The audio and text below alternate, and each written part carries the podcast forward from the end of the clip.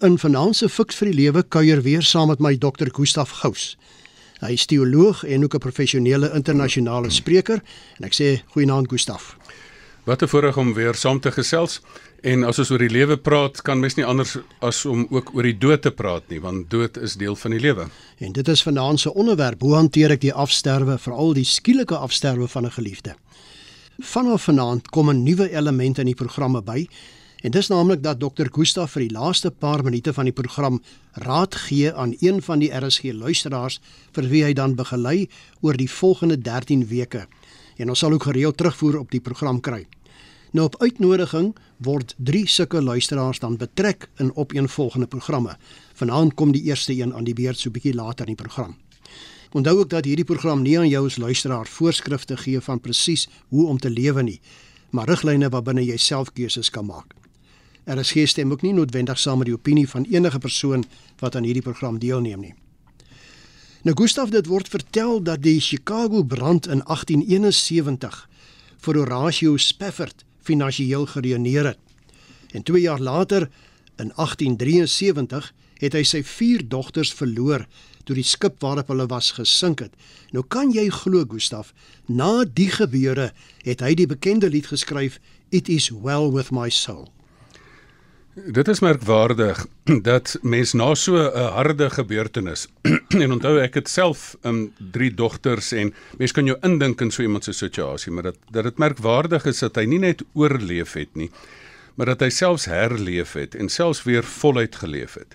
Maar dit moet 'n mens by sê, dit kom nie van self nie. Dit kom deur 'n baie baie lang proses. Ek wou nou juis vra maar hoe het hy dit reg gekry want dit is nie maklik om die dood van 'n geliefde te verwerk nie. Nou miskien is dit iets wat jy as luisteraar ook al oorgekom het, dat 'n geliefde van jou dood is en dat jy agterbly met die seer in jou hart. Die vraag is nou, hoe kan ek weer aangaan met my lewe? In Fiks vir die Lewe gesels ons vanaand hieroor. Gustav ek lees in die Bybel in 2 Samuel 12 verse 21 tot 25 dat Dawid treur oor die siekte van die kind wat hy by Batsheba gehad het. Maar toe hy hoor dat die kind dood is, staan hy op, gaan was hom, gaan eet en sê: "Die kind is nou dood. Waarom sou ek nog vas? Kan ek hom na my toe terugbring? Ek gaan na hom toe, hy kan nie na my toe kom nie. Dit klink so maklik hier by Dawid, nê? Nee. Maar is dit so maklik om die dood van 'n geliefde te verwerk?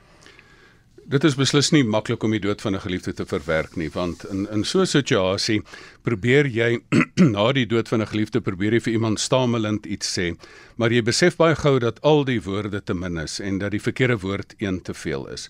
Ehm um, en ek baie vir my kliënte wat wat sukkel en wat ek die laaste tyd bystaan, sê dat hulle baie ongelukkig is met goedkoop antwoorde wat mense kry van dat 'n blommetjie gepluk is vir hemelse tuin. Wat 'n wrede ehm um, optrede is dit nie. So ehm um, hierdie maklike antwoorde is nie daar nie. So ek dink mense het die reg om te sê dat mense dit probeer moet verstaan want mense verstaan nie skuis tog die diepte van hierdie pyn nie. En omdat elkeen op sy eie manier rou, um, kan 'n mens ook nie goedkoop antwoorde gee nie. Maar aan die ander kant moet ons ook weet dat ons is nie die eerste mense wat die dood van 'n geliefde beleef het nie. Daar was nie net honderde nie, duisende jare van mense wat dit nie net oorleef het nie, maar wat self ook selfs 'n pad gevind het. So ons moet alhoewel ons weet dat ander mense nie sommer net ligtelik daar moet praat nie, kan ons tog gaan kyk vir mense wat dit self werklik beleef het of ons nie by hulle lesse kan leer nie. En en een van die lesse is aanvaarding. En dit wat Dawid hier gesê het, is dat hy nie in die ontkenningsfase vasgehak het nie. Miskien gouer as ander mense, maar hier is dit nogal merkwaardig dat hy onmiddellik die realiteit aanvaar het. En dit is gewoonlik ook die beginpunt um, van 'n herstelproses. Wat sou jy sê maak dit veral moeilik om 'n geliefde se dood te verwerk? Ek dink of dit nou die dood is van van 'n huweliksmaat, ek dink die ergste is uiteraard die dood van 'n kind en of dit die dood is van 'n pa of 'n ma wat vir jou baie beteken het, um, of selfs iemand wat jou geweld aangedoen het wat op 'n vreemde manier 'n effense verlossing is, um, of dit nou 'n uh, 'n oom of 'n tannie is wat 'n diep in jou lewe ingespeel het. Um, Almal het 'n plek in jou lewe gehad en vir almal is vir vir jou is daai spesifieke plek leeg. Daai persoon se rol kan nie meer gespeel word in jou lewe nie. Jy het 'n geprojekteerde toekomsverwagting gehad dat jy saam met hierdie persoon gaan oud word, dat die persoon daar van jou kan wees, vir jou kan wees, dat jy liefde kan deel met daai persoon. En skielik um, is hierdie geprojekteerde toekoms opgeskeur. Um mense sê altyd, um die toekoms is dan nie meer wat hy was nie. Jy jou hele toekoms is in gedrang gebring. En daai alleen gemis wat jy daarmee sit, is 'n is 'n harde harde werklikheid. Um en dan beleef jy die rou en ek dink rou is dan eintlik die die die prys wat jy betaal vir liefde want ek dink nie mense besef die diepte van daai rou baie keer nie. Vir mense wat buite staan, snap dit nie altyd nie. Maar dit is enorm moeilik want jy kan nie meer daardie persoon, die pad saam met daardie persoon stap nie. Jy praat nou so van rou, Gustaf. Mag 'n mens treur en huil oor 'n geliefde wat dood is of is dit nou 'n teken van swakheid en selfs ongeloof? dit is nie net eers 'n kwessie van mag 'n mens treur of huil nie.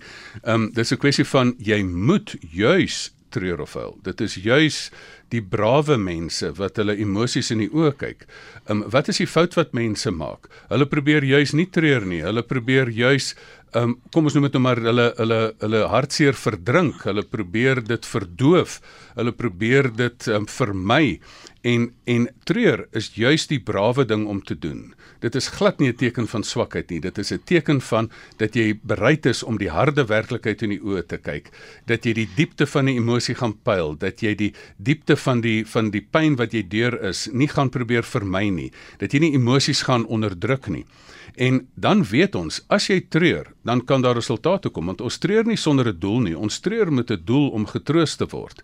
Um dit staan in Psalm 147 vers 3 dat daar staan van maar um ek maak die gebrokenes van hart gesond. So ons treur om getroos te word. Um en as 'n mens dan ook ernstig opneem wat in 1 Tessalonisense 4 vers 13 tot 14 staan, dan staan daar ook ons treur nie mense soos mense sonder hoop nie want want ons het hier 'n situasie wat jy kan treur maar dit is nie hopeloos nie want want daar bly altyd 'n element van hoop want sonder hoop is die situasie hopeloos maar ons treur nie sonder mense soos sonder soos mense sonder hoop nie. Ek sien anoniem het hier laat weet Gustaf dit sluit nou aan by wat jy daar sê van die hoop. Hy sê my dogter van 36 jaar oud met 'n seentjie van 8 het ek aan die dood afgestaan. Sy het 'n bloedklont deur die long in die bad gehad en dit is baie moeilik om aan te gaan En dan is hier nog 'n luisteraar, Isie van Wyk. Ek het my man 1 jaar 4 ek het my man 1 jaar 4 mense aan die dood afgegee. Sy sê woorde is leeg. Dis baie moeilik om aan te gaan. Dit dit stem 100% ooreen met wat ek ervaar by mense dat dat goedkoop antwoorde is is nie daar nie. Daar is nie dit dit tel nie in hierdie situasie nie. Dit is dit is waar jy gaan sit saam met iemand langs iemand want baie keer is um, is woorde baie minder werd as teenwoordigheid. In die vroeë roufase moet jy eerder daar wees vir 'n mens. Soos u hier sê, 'n drukkie. Absoluut, absoluut. En en een een van my kliënte het dit pragtig gestel en gesê dat dat ehm um, al die mense wat wat sommige mense probeer jou vermy want hulle weet nie wat om te sê nie. Ander mense sê ontoereikende dinge. Maar sy het dit soveel waardeer toe iemand net direk na die dood van haar man gesê het, luister, dit was 'n meer onemosionele ehm um, uh, finansiële persoon in die finansiële sektor wat gesê het, "Oké, okay, nou kom ons sit en kom ons beplan nou die kom ons beplan nou die um, begrafnis." En ek dink dit is daardie daadkragtige bystaan wat baie keer baie meer beteken as net leefwoorde. Nou Gustav, daar's mense wat beweer dat jy nie te gou moet ophou rou of treur oor jou geliefdes nie. Uh, hulle sê dit mag nie indruk skep dat jy hulle vergeet. Jy moet maar aanhou treur vir 'n lang ruk. Hoe waar is dit en is daar 'n voorgeskrewe tydperk van rou?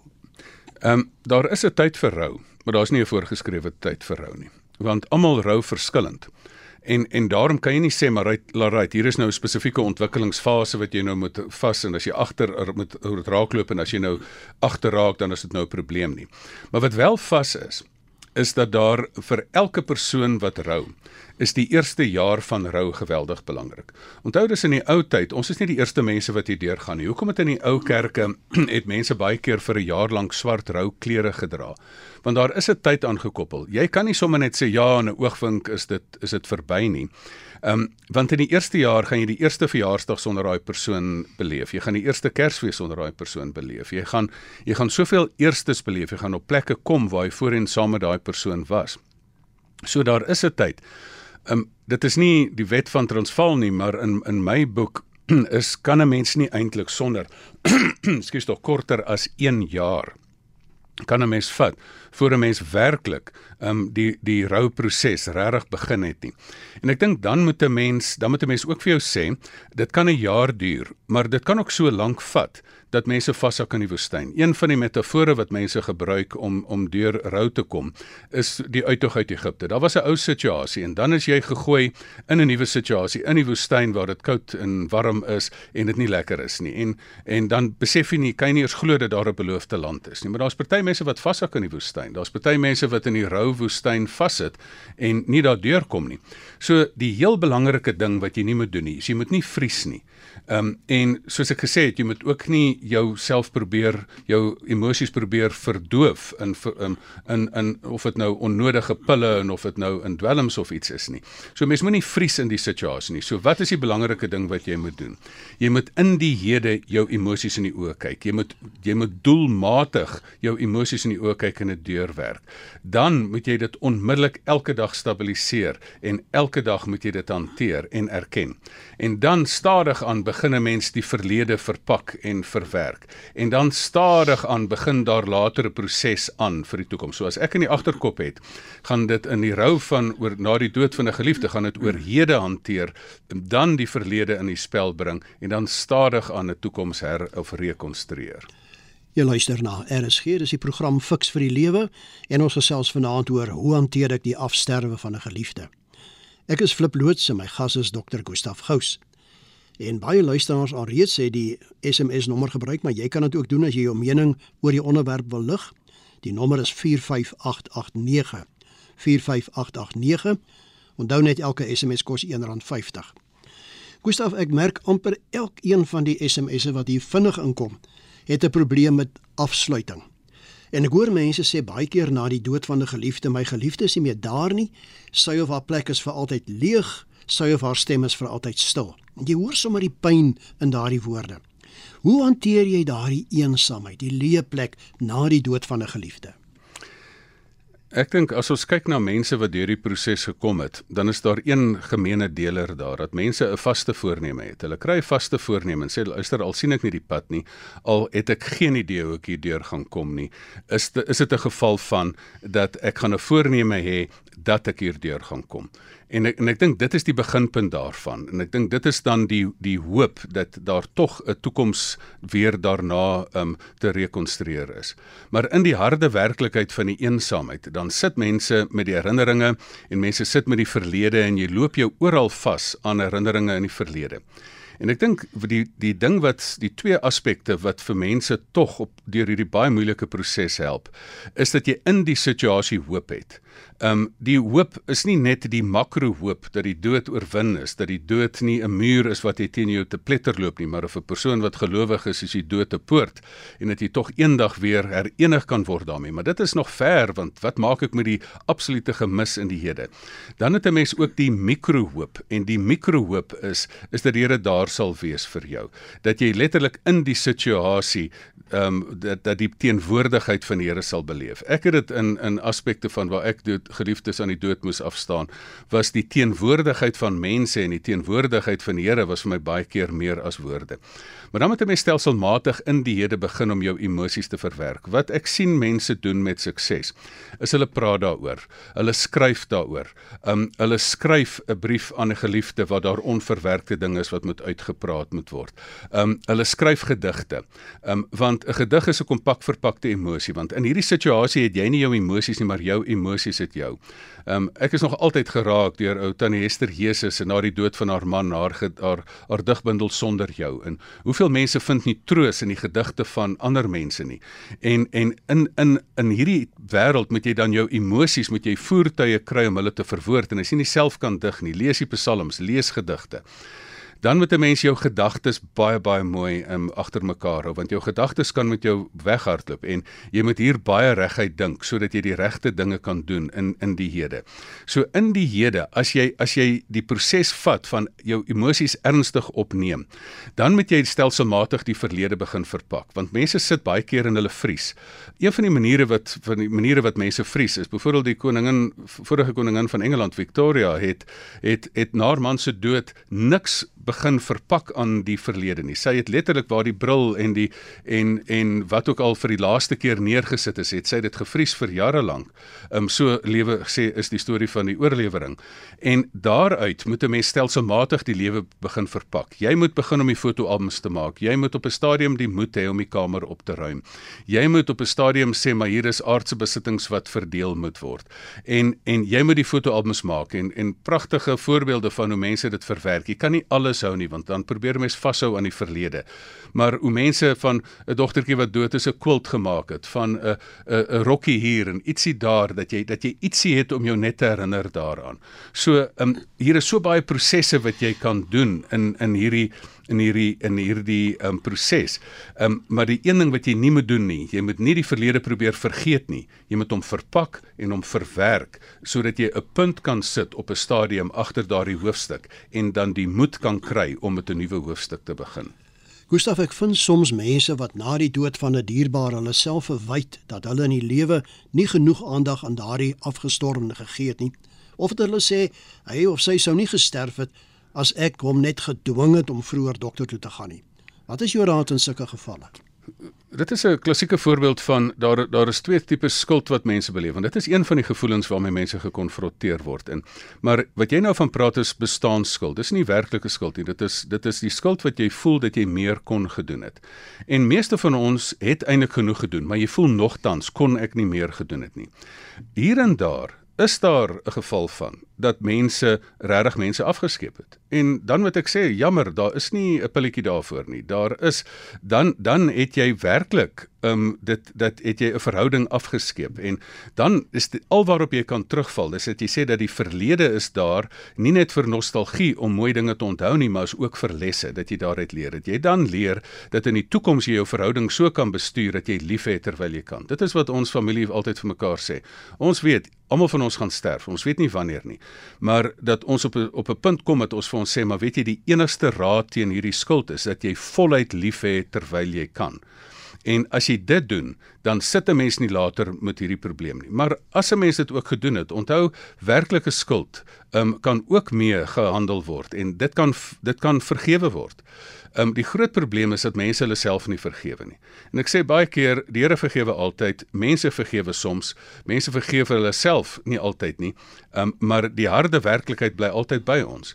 Maar daar is 'n proses dat jy kan sê maar ek is hartseer en ek en ek bely my skuld en ek raak ook maak ook klaar daarmee op 'n stadium. Ja, ons gesels so lekker Gustaf, maar soos ek aan die begin aangekondig het, jy gesels vir die laaste paar minute voor ons gaan afsluit met een van die luisteraars wat daar self beskikbaar gestel het dat sy deur jou begelei kan word. Kom ons sluit dan nou by julle gesprek aan.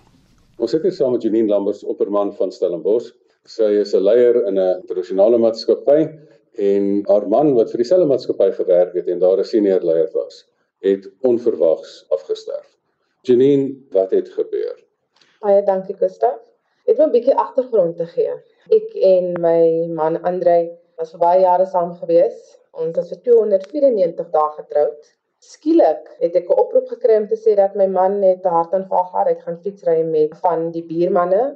Hulle het my gekontak om te sê dat Andrei het van die fiets af geval en uit 'n hartaanval gehad. My man is op daardie dag afgesterf. Dit is nou presies 14 maande terug. Is jy toe saam hospitaal toe het hulle hom hospitaal toe gevat? Wat ons 'n bietjie deur daai dag.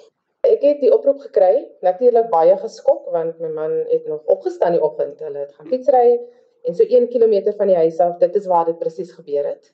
Iemand het toe gestop om te help en vir hom hospitaal toe te neem. Ek het ook na die hospitaal gegaan en teen die tyd wat ek daar gekom het, het die dokter met my gesels en na 30 minute het sy vir my gesê hulle het nou alles probeer. Hulle kan niks verder vir hom doen nie en my man is dood verklaar. Sjoe Janine, in 'n oogwink verander jou hele lewe. Hoe het dit jou lewe geaffekteer? Dit is iets wat baie keer nie in woorde kan beskryf word nie. Alle planne wat ons gehad het, alles, alles wat ons gedink het, al die goed wat ons moes gedoen het, alles dit het net weggeval. Want hoe doen ek hierdie goed alleen?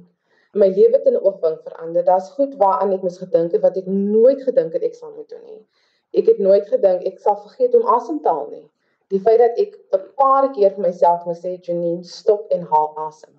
So alles het verander. Niks is dieselfde nie. Rotines moet verander word. planne wat ons gehad het verander. Sirkels waar ek rondom beweeg, sosiale vriende waarmee ons altyd saam gekuier het, alles dit het verander. Andre het altyd gesê, appreciate the small things in life and create memorable moments. Want jy weet nooit wanneer dit weggeneem word nie en dit is presies wat met my gebeur het. En gelukkig het jy dit geleef, want dit maak nie dat jou lewe in 'n oogwink onherroepelik verander. Ja, definitief. Janine, sonder dat ons kies, land ons in 'n situasie wat ons nie voorgevra het nie. En dan laat dit 'n mens nie op 'n goeie plek nie. Waar laat dit jou en wat is jou behoefte nou vorentoe? Wat ek jou wel kan sê Gustaf is dat ek het nooit besef hoe dit gaan voel om 'n definisie te hê aan om paralyzed te voel nie. Dit is presies wat met my gebeur het. Ek het vandag eendag vir my familie genoem. Ek wil geen medikasie neem nie. Ek wil elke gevoel wil ek ervaar, maar ek het ook geweet ek moet vra vir hulp om te leer hoe om deur my pyn te werk. En natuurlik vra jy jouself, Janine, waar begin jy en hoe doen jy dit? Want ek het glad nie stappe gehad vir hoe ek hierdie ding gaan aanpak nie. Ja, want aanvanklik laat dit jou verlam in die hede en dan hoe op dese aarde moet 'n mens aangaan? Janine, as dit jou behoeftes is, dan wil ek die volgende vir jou voorstel. As jy vandag se program weer op op die RSG webwerf die potgooi weer luister met die paar riglyne. Maar kom ons maak dit nog meer prakties. As jy na die fix vir die lewe.7.za webwerf toe gaan, dan is daar 'n PDF dokument wat gebruik kan word om vir jou die stappe te gee. Ons weet dat in so 'n situasie is al die woorde te min en die verkeerde woord is een te veel. Dat 'n mens net stamelende woorde kan gee van hoe vind 'n mens mense pad. Maar ons moet ook besef dat ons is nie die eerste mense wat die dood van 'n geliefde of dit nou 'n huweliksmaat of 'n kind of 'n vriend of 'n familielid is nie. En dat daar voor die tyd voor ons mense was wat dit alreeds deurgemaak het en in hierdie dokument het ek 'n paar stappe geïdentifiseer wat 'n mens kan gebruik wetende dat alle mense verskillend rou. As dit jou kan help, gebruik hierdie dokument, kyk wat jy daarin van waarde kan vind en dan gesels ons oor 'n week of wat weer en dan kyk ons wat werk vir jou. Is daar stappe? Kan dit jou help? Die ervaring van vorige mense om jou eie unieke pad te vind van hoe om aan te gaan na die dood van 'n geliefde. Baie dankie. Mag so. Ons vra om verskoning dat die klank nie heeltemal so is soos wat ons dit wil hê nie. Gustaf moes dit met sy selfoon opneem. Ons vertrou vorentoe sal dit beter gaan. Maar Gustaf, ons moet so begin aanstaltes maak om af te sluit.